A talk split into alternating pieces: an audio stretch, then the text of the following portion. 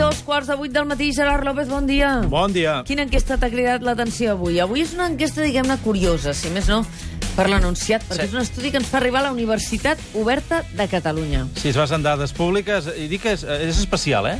Però per una raó. Eh, Sabeu que no- normalment ens arriben estudis sobre usuaris de qualsevol cosa, oi? Usuaris de wifi, usuaris de motos, quanta gent utilitza el raspall de dents, usuaris de cervesa... Doncs atenció, que avui tenim una enquesta sobre no usuaris. Què vols dir, no, usuaris? Què vols dir, no, usuaris? No entenc. El que sentiu. Crec que tota la temporada és el primer cop que oferim una enquesta sobre no usuaris. Però sobre quins no usuaris estàs parlant? De no usuaris de biblioteca.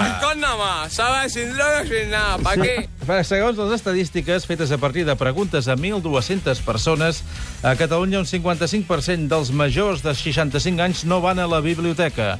Si ens mirem els no usuaris, la meitat tenen estudis primaris o inferiors. Quan el no usuari va a la biblioteca, diu que hi va especialment a escoltar música i a mirar audiovisuals, i és poc usuari d'internet. I això sí, és molt sincer, el no usuari assegura que no va mai a la Bíblia perquè no li interessa ni sap si li pot interessar. Con ¿sabes? Sin drogas, sin nada. ¿Para Per, qué? per cert, que l'enquesta també inclou els perfils d'usuari o exusuari i es centra especialment en la franja de 35 a 49 anys. I ha deixat d'anar-hi aquest tipus de, de perfil de gent de 35 a 49 perquè diuen que ara ja ho troben tot a internet, que no cal anar a la Bíblia. Ah,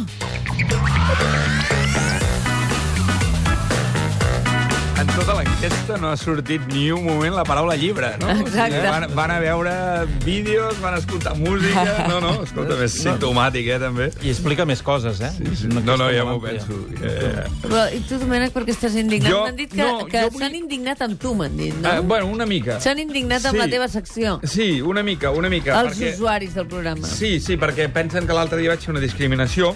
Recordeu que proposava crear una fundació de defensa de tots els que es lamenten d'haver nascut massa aviat perquè si fos ara, diuen, follarien molt més. Sí, recordo. D'acord. Doncs bé, he rebut una llau de peticions de gent que demanen que també es defensi la seva causa. Quina és la seva causa? Doncs bé, gent molt diversa i causes molt diverses. A Mira, veure. els que diuen que si no s'haguessin casat tan aviat també haurien tingut més experiències, un Això és un clàssic. clàssic. Els que es queixen que si haguessin nascut a Suècia també haurien pogut practicar més, o que si no haguessin nascut en aquell racó de món i ho haguessin fet al costat de l'ús de gas, altra cara farien. Els que maleeixen que si no haguessin anat a aquella escola no haurien tingut tants prejudicis. Els que es queixen que van enganxar la mala època del Barça quan no guanyava.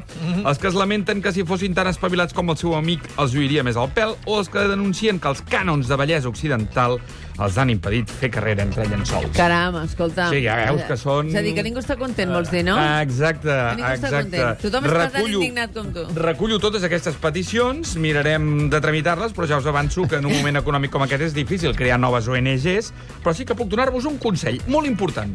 No Aviam. mireu tant la tele. Aneu a la biblioteca. No, no mirar la tele, però... Bueno, ja està. Correcte. Vinga, Deixem-ho aquí. això no és un decàleg d'excuses de mal pagador, una mica per... Ah, però digue'ls-hi, tu. Començant a rebre, un, No, és que clar, començant a rebre una, una llau de cartes de protesta. Avui segueixo jo amb les meves històries eh, a l'Argentina. Escolta, aquesta Canviant- campanya de Leo Messi de ah, Ahir vaig sentir Sí. l'alcalde l'alcalde No, de no, és Buenos que Aires li, que li han està... aixecat una estàtua i tot a Buenos No, Aires. no, increïble el que està passant ahir amb Leo Messi. descobrir, però escolta'm... Per fi se n'han adonat que tenen un heroi a casa. Del rebombori de Messi, però avui és que n'hi ha un altre del qual vaticino que se'n parlarà i molt. Segur que sabies, Domènec, que avui fa 30 anys de la final de Mèxic 86 entre l'Argentina i Alemanya, oi? Mira, aquest matí el mòbil m'ha fet un pip Veus? i era per això. Té uns avisos, el Domènec. Deus recordar que jo vam parlar de les fotografies que es van fer els integrants, segurament, d'aquell Sí. equip, que portaven una pancarta eh, demanant a Messi, com tota l'Argentina, eh, que no marxi. Doncs ara us proposo que escolteu aquest àudio. Parla Maradona. És el missatge que envia a Oh. tots els seus companys d'aquella final del 86 a través del grup de, West, de WhatsApp que els manté units encara. Escolta, perquè el clatallot els que acaben de perdre la final de la Copa Amèrica és històric. y nos lo jugamos. Los dos huevos que tenemos, nosotros no fuimos a jugar contra Chile, fuimos y le ganamos a Alemania. ¿Me entiende lo que le digo?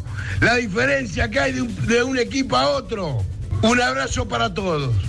Su capitán. No fuimos a jugar Uh. contra Chile, fuimos y ganamos Uh, a Alemania. Uh, company. Però sabeu què passa? Que Maradona no té clar encara que la preocupació dels argentins no és la final perduda contra Xile fa pocs dies a la Copa Amèrica, sinó que Messi continuï a la selecció. Manifestació dissabte i, com dèiem, ahir, descobriment d'una estàtua a Messi a Buenos I Aires. constatem que Maradona no escriu missatges de text, sinó que els grava d'àudio. Un altre que té una poca a la biblioteca.